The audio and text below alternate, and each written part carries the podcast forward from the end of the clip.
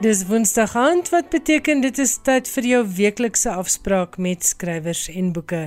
Goeienaand en hartlik welkom by RSG. Ek is Elsje Salzwetel en vir die volgende byna uur gaan ons gesels oor skrywers en boeke. Baie dankie dat jy saam met ons voor die radio kuier.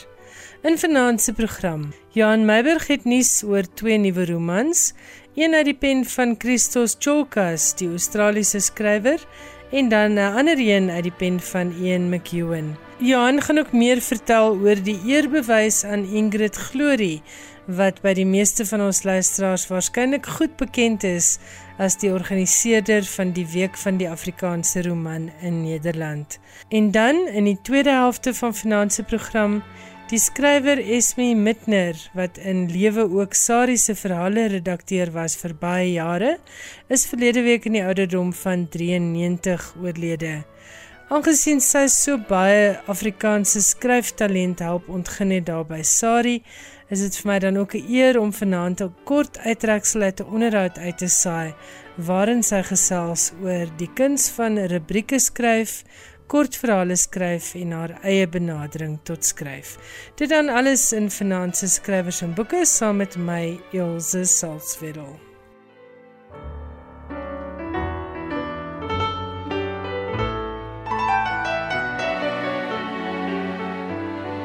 Melvry Adams is 'n koerantman in Murg en Been. Op sy CV is die titels ingeryg: voormalige hoofsub van die Burger en Sowetan, produksieredakteur van City Press, assistentredakteur van Beeld, die Burger en Kaapse Son en deesdae bulletinskrywer by SABC2 se Afrikaanse TV-nuus. Melvry is ook 'n musikant en liedjie-skrywer wat optree onder die verhoognaam Metsu. Maar ten spyte van sy groot sukses was Melvry se lewe nie altyd maklik nie. In die eerste hoofstuk van sy biografie Als is nie net swart en wit nie, ontmoet die leser vir Melvry na 'n mislukte selfmoordpoging. Maar soos die joernalis Anastasia de Vries in haar resensie skryf, Als is nie net swart en wit nie, is 'n boek oor baie meer as 'n belydenis van 'n herstellende of herstelde alkolikus wat eens in 'n donker put van sy eie maaksel gestaar en nou tot inkeer gekom het. Nou skryf Anastasia, is hy die mens wat jou na die eerste seerplofhoue asof saggies aan die hand vat en in die volgende hoofstukke lei na begrip van dit wat jy dink jy weet en ook dit wat jy liewer steeds nie wil weet nie. Heinrich Weingart beskryf als is nie net swart en wit nie, as 'n storie oor sukkel, sukses, selfvernietiging en byna selfdood, maar ook oor rehabilitasie, ritme en lirieke. Maar kom ons hoor wat sê Melvry Adams oor sy aangrypende biografie als is nie net swart en wit nie. Melvry, jy is 'n musikant en 'n joernalis en nou het jy ook 'n biografie op jou kerfstok. Hoe het jou skryfpad geloop en hoe dit gebeur dat jy 'n boek geskryf het? En hoe moeilik is dit om tussen die genres van journalistiek en boekskryf te wissel? Kort voor die begin van die pandemie loop ek 'n lang verlore vriend raak. Hy sê toe: "Omela, jy moet 'n boek skryf. Ons raak nou oud."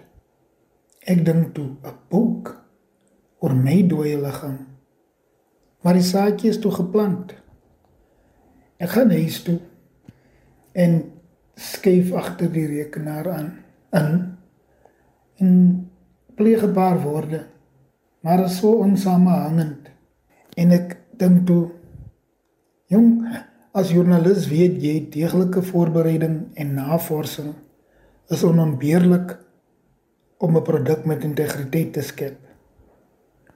Ek dink toe what next? Kry toe hierdie gedagte man gaan steek kers op by mense wat nou al deur hierdie proses geloop het. Op daai stadium het ek ou die my ou kollega by die burger en die skrywer Zirk van den Berg se indrukwekkende skryfloopbaan met bewondering van 'n afstand opgehou. Ek vra toe vir Zirk wat hy voorstel ek moet lees as voorbereiding voor ek aan die werk spring. Hy sê toe: "Nie fiksie of nie, lees die volgende boeke: Bird by Bird van Anne Lamott, On Writing van Stephen King en sommer ander boeke ook. Ek gooi toe sommer 'n skryfkursus in die brousel en roer vir die fale. Die kursusaanbieder sê dit gaan 'n slegte idee wees om die Afrikaanse skryfgids ook te raadpleeg nie. En so die boustene vir alsoos nie net swart en wit nie in plek gesit. Nou sien dit my herontwaking 10 jaar gelede. Beweeg ek swemloos tussen hierdie genres. Dit is seker maar een van die die promises van die herstelprogram wat 'n werklikheid word. Die feit dat ek 'n vermoë gekry het om ook liedjies te kan skryf. En soveel so dat terwyl ek besig was om alsis net swart en wit nie te skryf, het ek ook 'n liedjie gekomponeer met die naam van Heaven's Veil wat ek toe vertaal het in Hemeldal. Nou, my musiek en die boek se boodskap loop hand aan hand. Daarom beskou ek my musiek as die klankbaan van my lewe. Vertel vir ons kortliks waaroor gaan als is nie net swart en wit nie. Wat hoop jy kan lesers daaruit neem en met watter gehoor en gedagte het jy dit geskryf? Als is nie net swart en wit nie. Is nie bloot 'n belydenis van 'n herstellende alkoholist nie. Dit is basies 'n kontinuum van 'n sielestryd om selfverwesenliking in die lewe te verkry. Maar Jonathan McNair vat dit vir my so mooi saam. Hy sê ons hoef nie in die grysheid van die mens se morele verwarring te leef nie. In plaas daarvan kan ons leer om die helder kleure van regverdige opbouende dade te sien en geseën te word. So hy stel voor leef in 'n miljoen kleure. Watter betekenis sou ek wil hê moet mense hier kry? Dat daar nie so iets soos useless mense is nie, maar net verlore siele. Elke mens het nog 'n versteekte talent diep binne in hom of haar. En soms het mense so traumatiese ervaring nodig om tot jou sinne te kom en daardie talente na vore te laat kom. So die boek is ook 'n mikrokosmos van stories wat nog wag om vertel te word. Soos Iwer Price reg op die agterblad skryf, die onvertelde stories van ons land se brose geskiedenis. Hoopelik sal dit ook oud en jong, veral die steeds benadeelde gemeenskappe aanmoedig om hulle verhale te boekstaaf. Maar dan op 'n op 'n meer globale vlak. Ek glo hoe meer ons in ons gebroke land oor mekaar se het een lopende geskiedenisse, kulture, voorkeure, afkeere, subkulture en denkwyse te weet te kom. Hoe gouer sal ons begrip en meelewing kweek. Maar vir al die grootste gif van persepsies en stigmatisering die nekslag toedien. 'n Mens kan sien jy is 'n gesoute skrywer. Die Afrikaans is keurig en jy skryf lekker, lekker ritme, lekker vertelstyl. Waar kom jou liefde vir woorde en taal vandaan? Ek en my drie broers en suster het groot geword in 'n huis waar albei ons ouers veeltaalig was. Albei van hulle was drie tale magtig. En my pa was ook tamelik gemaklik in sy Sotho. Dis nou benewens sy Xhosa. So taal was 'n ding in ons huis. Soveel so dat my ma, omdat ons basies in 'n Afrikaanse omgewing groot geword het, het my ma gereken ons Engels sal opgeskerp moet word. Toe het sy Woensdae tot 'n Engelse dag verklaar waar ons geheel en al in Engels kommunikeer en daar is strafpunte toegeken as jy afgewyk het van die Engelse dekreet. So ons bewustheid van taal is jy's is, is reeds op daai vroeë stadium ingeskerp. Nou my my pa se jongste broer, Adam Adams, was 'n leergierige mens, soort van 'n boekwurm. Sy lees goed dit gewissel tussen Shakespeare en Chunky Charlie, skrikryter, daai boeke maar sy sterkpunt was Shakespeare. Nou dit was vreemd vir ons plaas Japies die Shakespeare goede.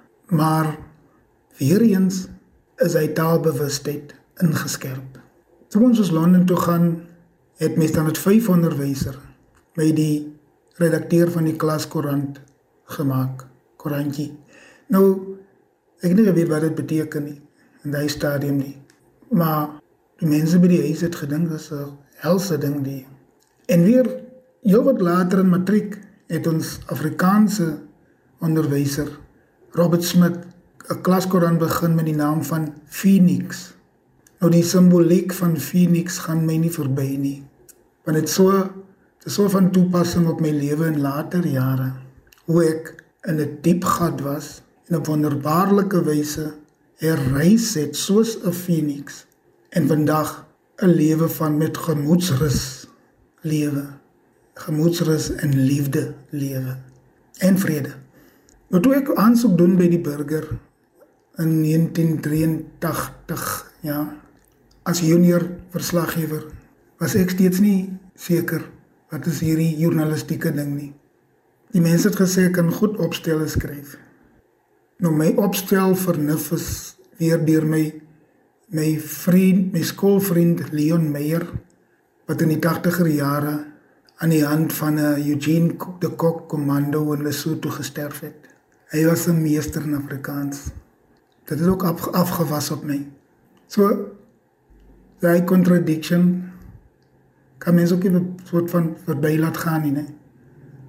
Afrikaanse kenner, struggle kind. Sy ironie daar nog. Jy luister na skrywers en boeke en ek gesels met Malvery Adams oor sy aangrypende biografie Als is nie net swart en wit nie. Melvry, jou lewe was glad nie maklik nie en jy draai ook nie doekies daaroor om in jou boek nie. Jy skryf openlik oor jou stryd teen depressie en alkoholmisbruik. Maar hoe moeilik is dit om 'n mens se hart so bloot te lê op papier? Wat was van die swaarste dinge waaroor jy moes skryf en hoe het jy dit aangepak? En ek neem aan dit het baie skryf en herskryf gekos. Die moeilikste deel vir my om te skryf was die deel oor my ma se sterfdag. Kyk, ek was onkundig oor die dood. Veral om te sien hoe speel dit hier voor jou af. En dan is daar nog hierdie hoop in jou gemoed wat dalk oh, dalk gaan sy wakker word. So die gat in my siel het daar begin. En ek het altyd probeer om ander maniere te vul. So dit het dit het nogal bietjie dapperheid gekos om my deel so dramaties te skryf. Want dis presies hoe ek dit onthou het. Niks is opgeblaas uit daar nie, dis presies hoe ek dit ervaar en onthou het. Maar 'n ander aspek van die boek was die politieke sy. Veral die vernedering. My klein neef sê die emasculation van ons voorvaders, waar die polisie my pa soos 'n is niks behandel het nie en jy weet rok wat jy gekoester het. Dit is mens op 'n persoonlike vlak as iemand jou afgeknou het sê as ek eendag groot is gaan ek jou kry. Dis dieselfde wat 'n mens gevoel het na. En mens kan verstaan hoekom Leon en Cliffie uiteindelik die groot stap geneem het. Maar toe besluit ek ek gaan die suiwer politieke preekery gaan ek liewer uitsny die in die boek uit. Want ek het gevoel dit gaan afbreek maak aan die kronologie van die boek en ook die verteltrand. Die hoofstuk die titel sou gewees het Kleer se naam is mens. Maar in die Engelse boek maak hy 'n terugkeer. So die politiek politiek sosiale sê van die boek sal ek sê. En die persoonlike verlies. Het my baie laat skryf en herskryf en herkou en elimineer en terugbring en jy weet mos Elsje jy verstaan die dinge. En sedert jou boek verlede jaar verskyn het, het groot dinge daarmee gebeur. Vertel ons 'n bietjie meer daarvan. Die reaksie op die boek tot dusver het my stoutste verwagtinge oortref. En een van die positiewe uitvloeisels is dat die Oeverbergse streek van die Wes-Kaapse Onderwysdepartement 200 boeke bestel het. Hulle wil dit aanvullend tot hulle lewensoriënteringsleerplan aanwend.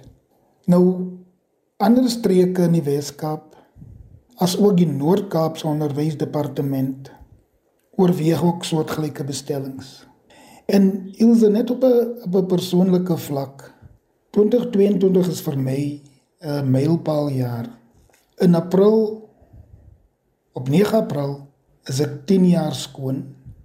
Soos hulle sê in die in recovery program clean and serene 10 jaar lank. En dis dis 'n groot oomblik vir my van waar ek was en waar ek nou my nou bevind. Wow. That's amazing.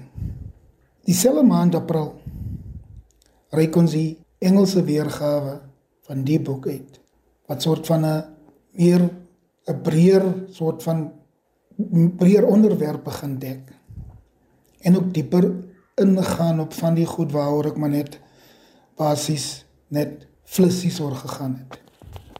En in Mei is ek 60 jaar oud. Dit was Melvery Adams. Ons het gesels oor sy biografie als is nie net swart en wit nie. Dit word uitgegee deur Naledi.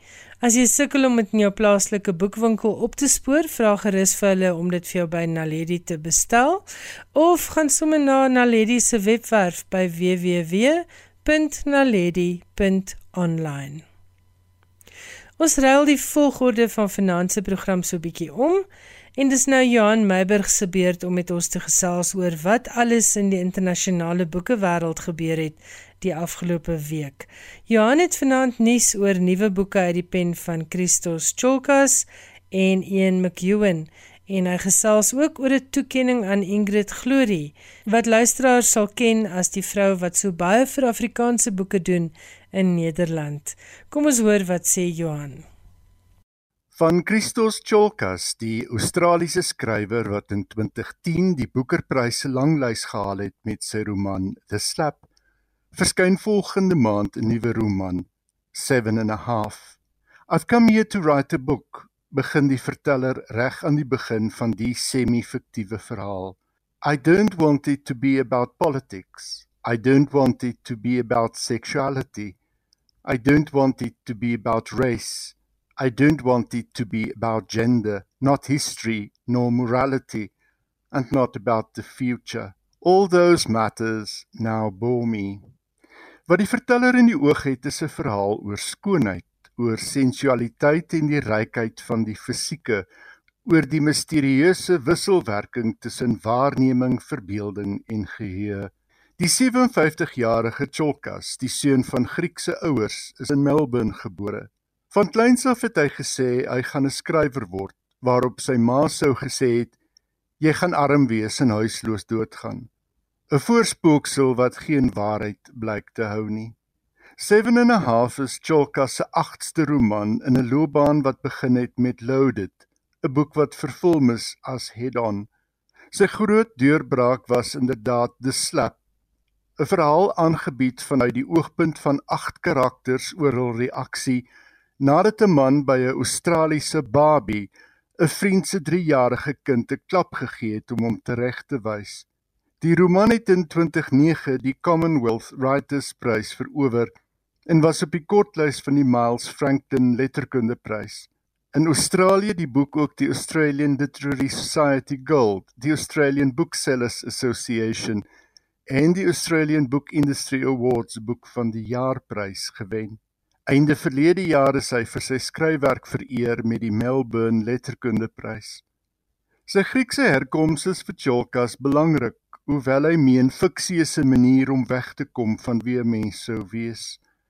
As ek nie kan skryf as 'n vrou nie, of 'n swart mens of 'n ou man of 'n jong meisie nie, waarom skryf ek dan? het hy by geleentheid opgemerk. Seven and a half deur Christos Cholkas word uitgegee deur Allen and Unwin.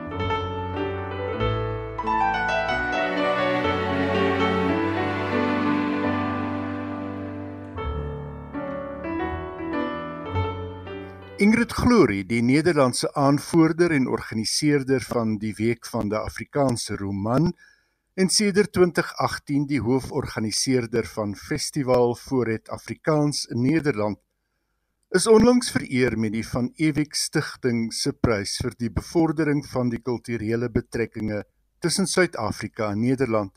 Die prys beloon bewese prestasies wat reeds gelewer is in verband hou met die doelstellings van die stigting wat kulturele betrekkinge tussen Suid-Afrika en Nederland in die ruimste sin bevorder. Dit sluit alle vertakkings van die kunste of wetenskap in.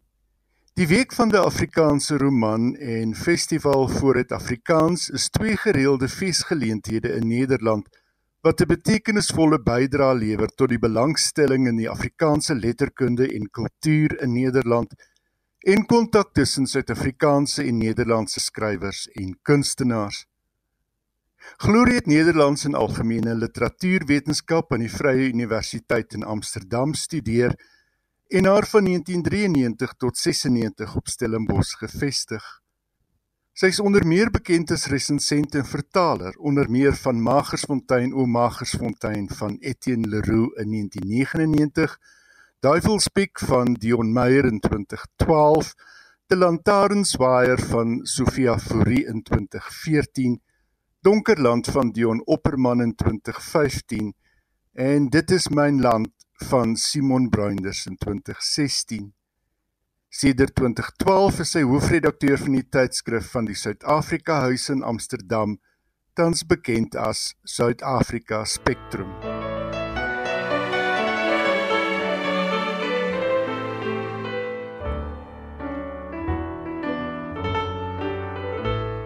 Die uitgewer Jonathan Cape het pas aangekondig dat 'n nuwe roman van Ian McEwan in September verskyn. Die uitgewer beskryf die roman Lessons as sy mees epiese boek tot dusver en as 'n kragtige besinning oor geskiedenis en die mensdom beskryf deur die spektrum van 'n enkele man se leeftyd. Die verhaal begin by die einde van die Tweede Wêreldoorlog en strek tot ons pandemiese hede. Dis die verhaal van Roland Baines wat as 11-jarige seun in 'n ongewone kosskool kennis maak met Miss Miriam Cornell 'n klavieronderwyser. 'n Man wat later trou en self 'n seun het. Die verdwyning van sy vrou laat hom alleen met die versorging van hul kind en is ouerskap as 'n dubbel helix van werk en liefde wat in die roman verken word. Volgens Jonathan Cape is dit die ervaring uit traumas van die verlede, die insig wat ouerskap bied en die rol wat gebeure in die wêreld in ons lewens speel en wat ons lewens en herinneringe vorm wat McEwen in die roman ondersoek. As romanskrywer het die 73-jarige McEwen in die laat 1970s aandag getrek met twee romans wat albei verfilm is. The Cement Garden in 1978 en The Comfort of Strangers in 1981. Die toonaard van die twee boeke het hom oombliklik die bynaam Ian Macabre besorg. Na die donker boeke het hy 'n nuwe rigting ingeslaan wat hom 'n wyeer leserspubliek besorg het, veral met romans soos The Innocent van 1990, Black Dogs van 1992 en The Daydreamer van 94. Hoewel sy volgende roman Enduring Love van 1997 hoë lof toegeswaai is, het die boek nie die Booker Kortprys gehaal nie. Dit was met sy volgende roman Amsterdam waarmee hy in 1998 die Boeker verower het. Atonement van 2001 het in sy vervolgde weergawe dalk meer mense bereik en die boek was ook op die Boeker kortlys. Daarna het gevolg Saturday in 2005 en On Chesil Beach in 2007 weer op die Boeker kortlys. Sedert 2010 was daar elke tweede jaar 'n McEwen boek op die rakke. Solar in 2010, Sweet Tooth 2012, The Children Act 2014, The Nutshell in 2016. En Two Machines Like Me in 2019, The Cockroach in dieselfde jaar 'n novelle oor Brexit en dan vanjaar Lessons. Hier is een McEwen aan die woord oor die maniere waarop hy idees en inspirasie vir sy skryfwerk vind. I don't know where ideas come from or uh, if I knew if I had a clear idea of that, I'd have more of them. But um, I do a lot of hiking, and the rhythm of walking is very amenable, I think, to the rhythm of thinking, and that's a good way of letting ideas begin to take on a bit of life. Uh, they just pop out of nowhere, really. I, um, sometimes I force an idea just by writing the opening paragraphs of imaginary novels. Imaginary novels, in the sense that I don't actually think for a moment I'm going to write them, but this is how they would begin if I did write them. And that way I can sometimes trick myself into being interested in what I've just written and uh, force away in that way. And I've started many novels like that. Atonement started exactly in that way. Experimental, few paragraphs with, with a sense of no obligation. And it, it's that freedom, writing openings or even middles uh, of novels, knowing that you don't actually have to bother to write them, gives you a, a sort of um, insouciance. You, um, uh, you tread in places that you wouldn't otherwise go. That's the closest I could ever say I have to any method of getting an idea. For me, um, leaving space between books is very important.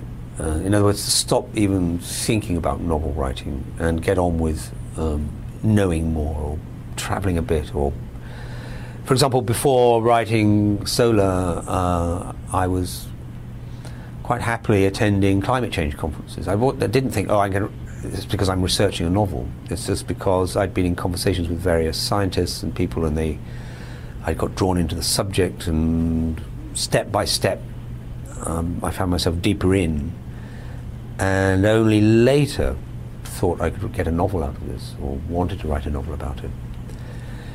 Um, taking journeys is a good way to free the mind up, to be away from home and away from the obligations of paying bills or being in routines. Breaking routines, I think, is crucial. But turning up, you have to turn up at the desk.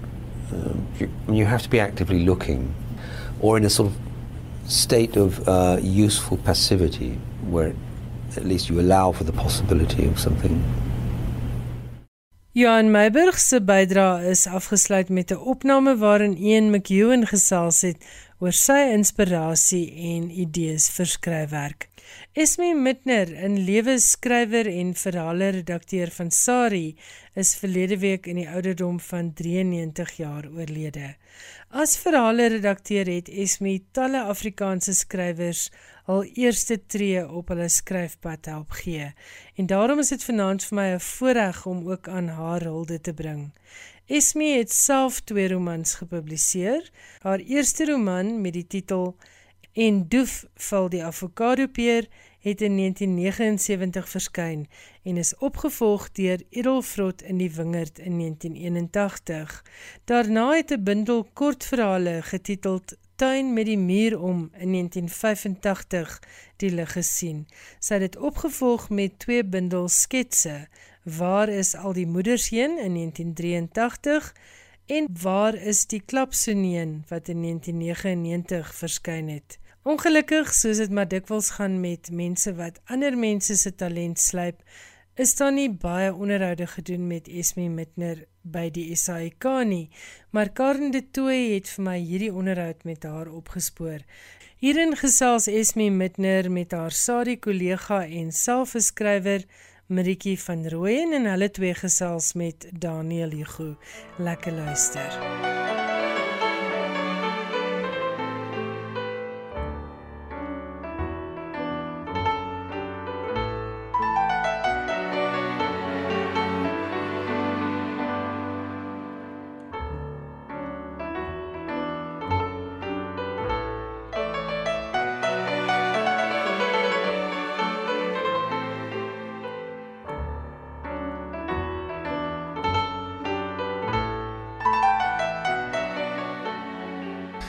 vanmiddag het ek twee gaste in die ateljee.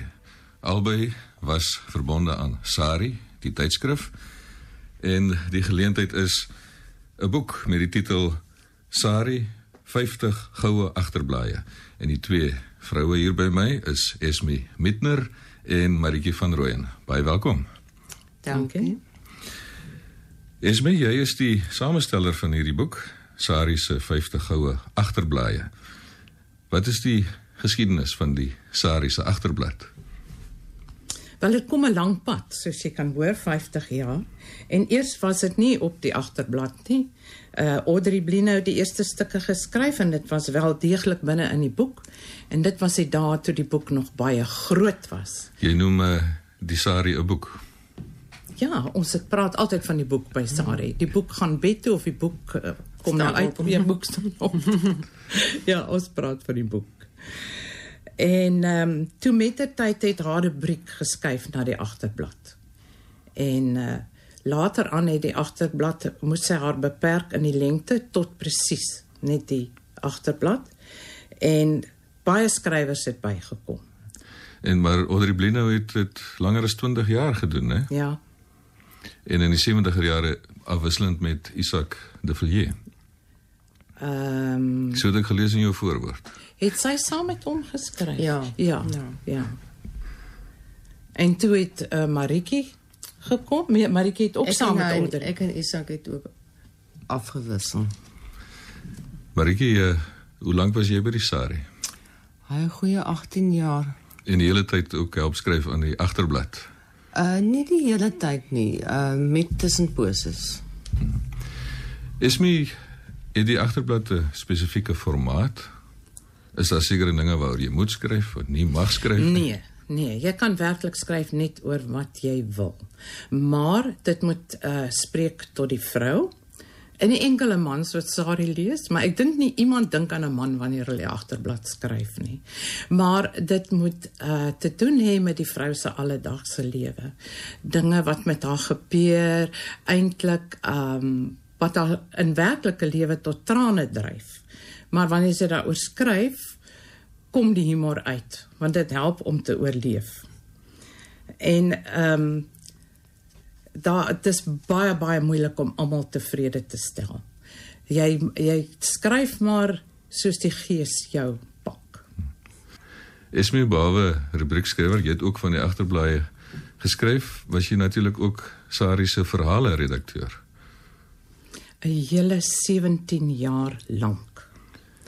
En toe ek daar weg is, het ek gesê ek lees nooit weer 'n tydskrifverhaal nie. En ek moet jy eerlikwaar sê ek het ook nie. Skryf skryf jy nog rubrieke? Ehm um, ek het geskryf tot die einde verlede jaar. Nou het ek eintlik opgehou. Ek het besluit 'n mens moet soort van weet wanneer om op te hou.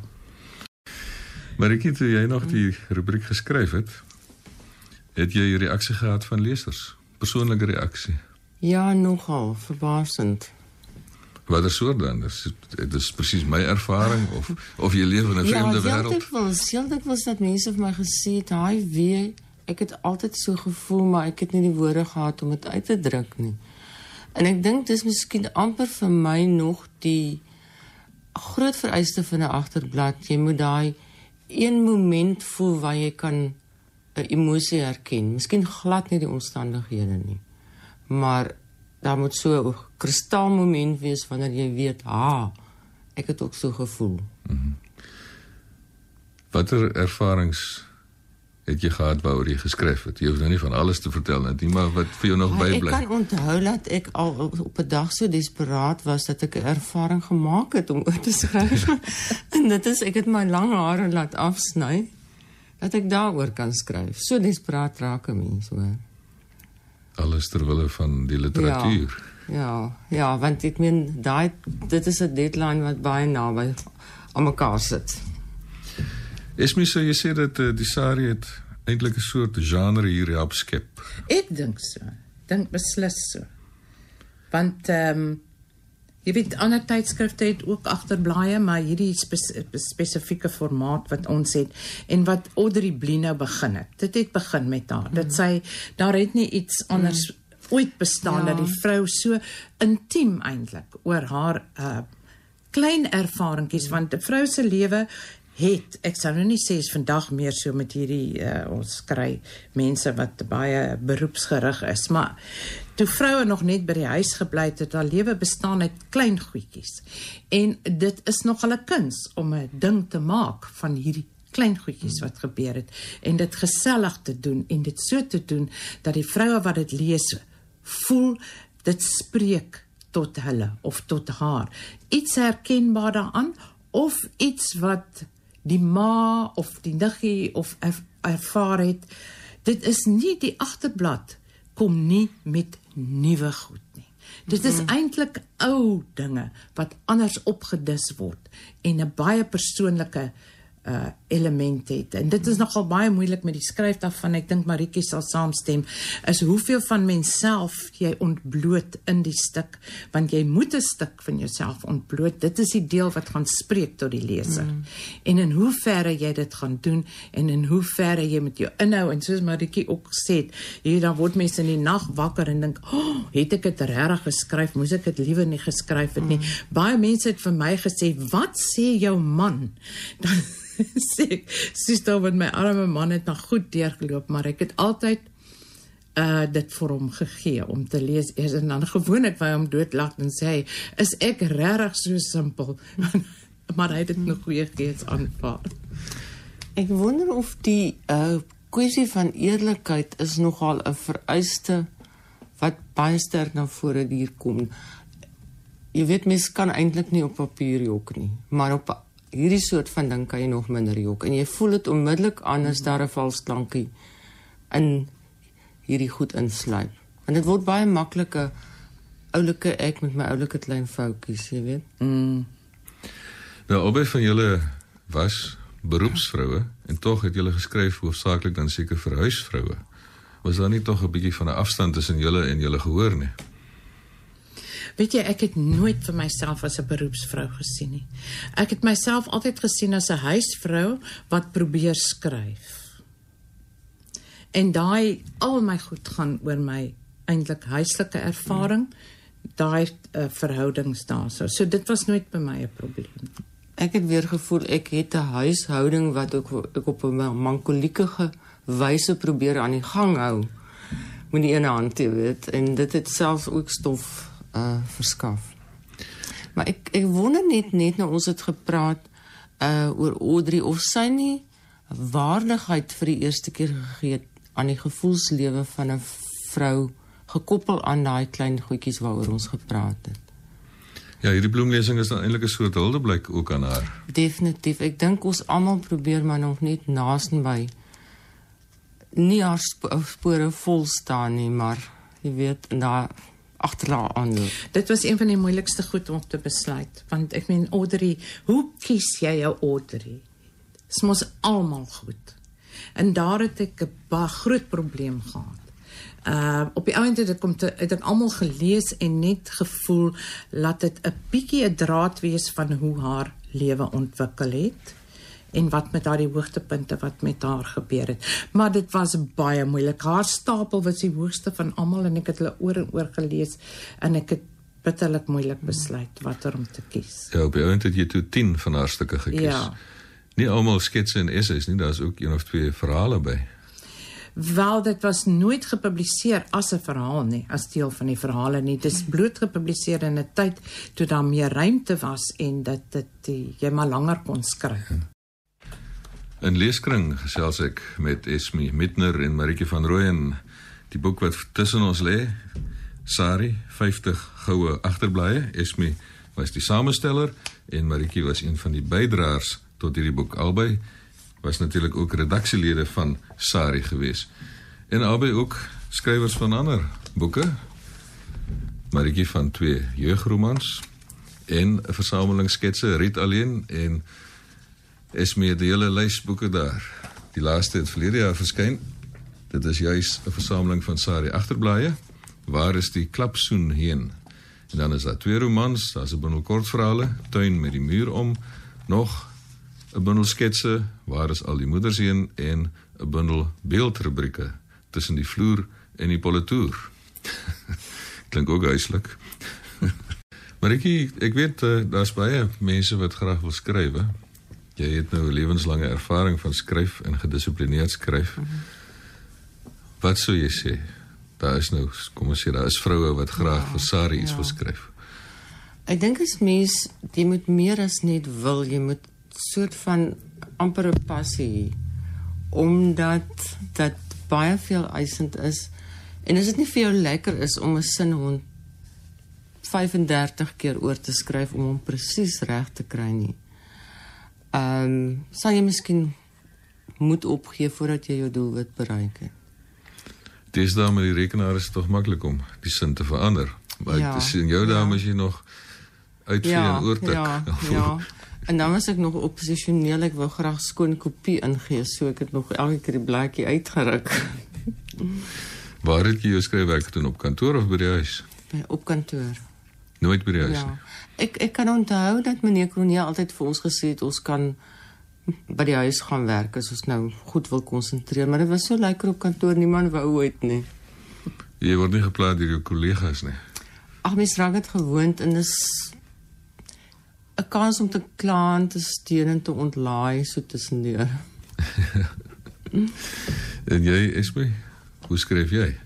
Ehm um, ek dink die be- bedoel jy nou spesifiek agterblaai? Ja. Ek dink die idee begin maar in 'n mens se kop broei en hy broei lank uh voor jy ehm um, so ver kom om dit te probeer skryf.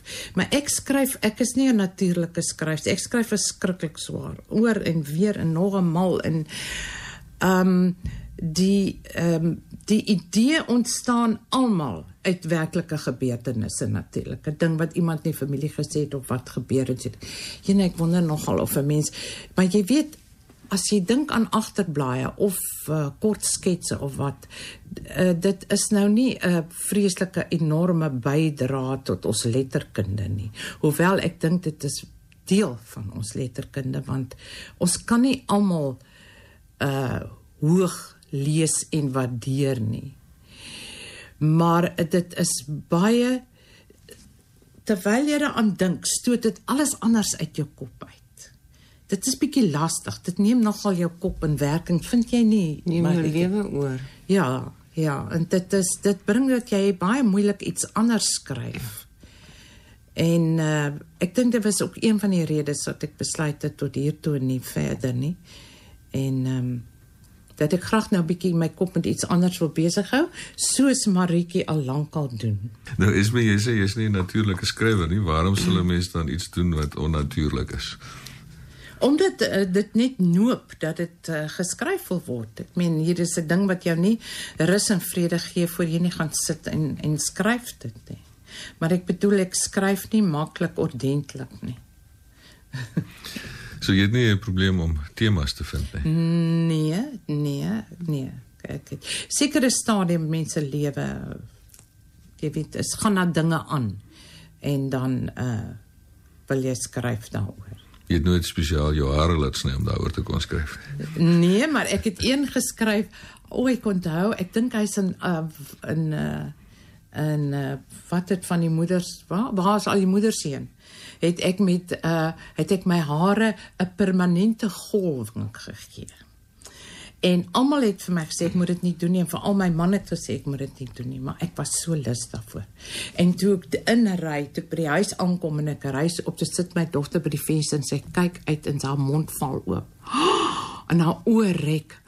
En ek dink, "O, oh, ek moet so afskuwelik ryk en er, lyk dat ek net daar en dan omdraai, weer in die trierad slaan en uitry en langs die golfbaan gaan parkeer en net daar sit. Wat gaan ek doen? Wat gaan my man sê? Weet jy wat het hy gedoen? Hy het vir my 'n Bybel gebring en hy het gesê, "Esme, sit jou hand hierop en beloof my, jy sal nooit ooit weer so iets doen nie." So dit wat 'n storie geword, maar wel dit nou nie gedoen was daarvoor. En hoe lank het die permanente golwing permanent gebly? vreeslik lank tot dit afgesny is en nader net so ek was ek wou dit nie af was vir my vreeslik lekker. Maar as ek uh, by 'n spieël verbyloop in die straat of iets en ek sien daai vrou wat so wild vreemd lyk. dan was nog alles skok geweest. Esme, Maritjie wou nie sê waarmee sy besig is nie. Waarmee is jy besig? Uh ek sal vir jou sê ek Peter maar so rond. Ek probeer eintlik nog om 'n rekenaar te bemeester. Dit is ek die meeste mee besig want ek is gewoond nou aan 'n kort goedjies te skryf. Nou wil ek ook 'n lang ding skryf. Aha, die groot roman. Die groot roman, dalkies is dit die groot roman. Maar ek het nog nie begin nie. Ek Peter nog rond en uh uh probeer uitvind hoe doen mense dit. Ek ek het twee romans geskryf soos soos ek daar voor ek gaan weer gaan werk het. Ek het gedink ek was afgetree. Ek was toe daar by die 50. En nou gaan ek 'n roman skryf. En toe het ek dit nou nie eintlik vreeslik opskudding veroorsaak nie. Maar voor ek toe nou nog die derde een van die trilogie kon skryf, dit was beplan as 'n trilogie, het ek gaan werk. Het ek die verhale van Sari gaan behartig en dit het alles anders uit my kop uit gesit behalwe kort goedjies nou as ek 'n agterblaai sketse en so aan. So dalk Pieter ek nou met daai daai daai ding. Die derde een. Ja, maar uh, dit is nog nie heeltemal duidelik wat ek gaan doen nie en dit kan my jare vat om te besluit wat gaan ek doen maar ek ek hoef gelukkig nie ek is nou afgetree en mens leef nogal vreeslik van omtrent niks nie en ek gaan nou nie geld my ten doel stel nie. Gaan net rond Peter en kyk wat gebeur.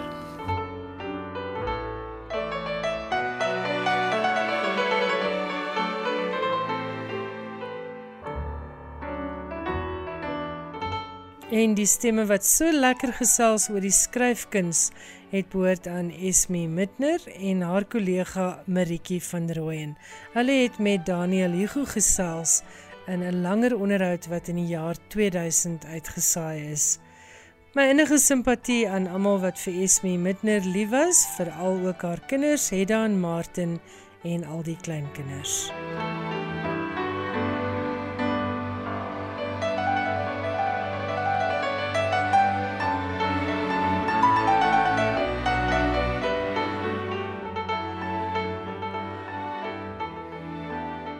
Ongelukkig het die tyd ons nou weer ingehaal. Ek groet eers, maar volgende Woensdag gaan ek terug met nog 'n uitsending van skrywers en boeke.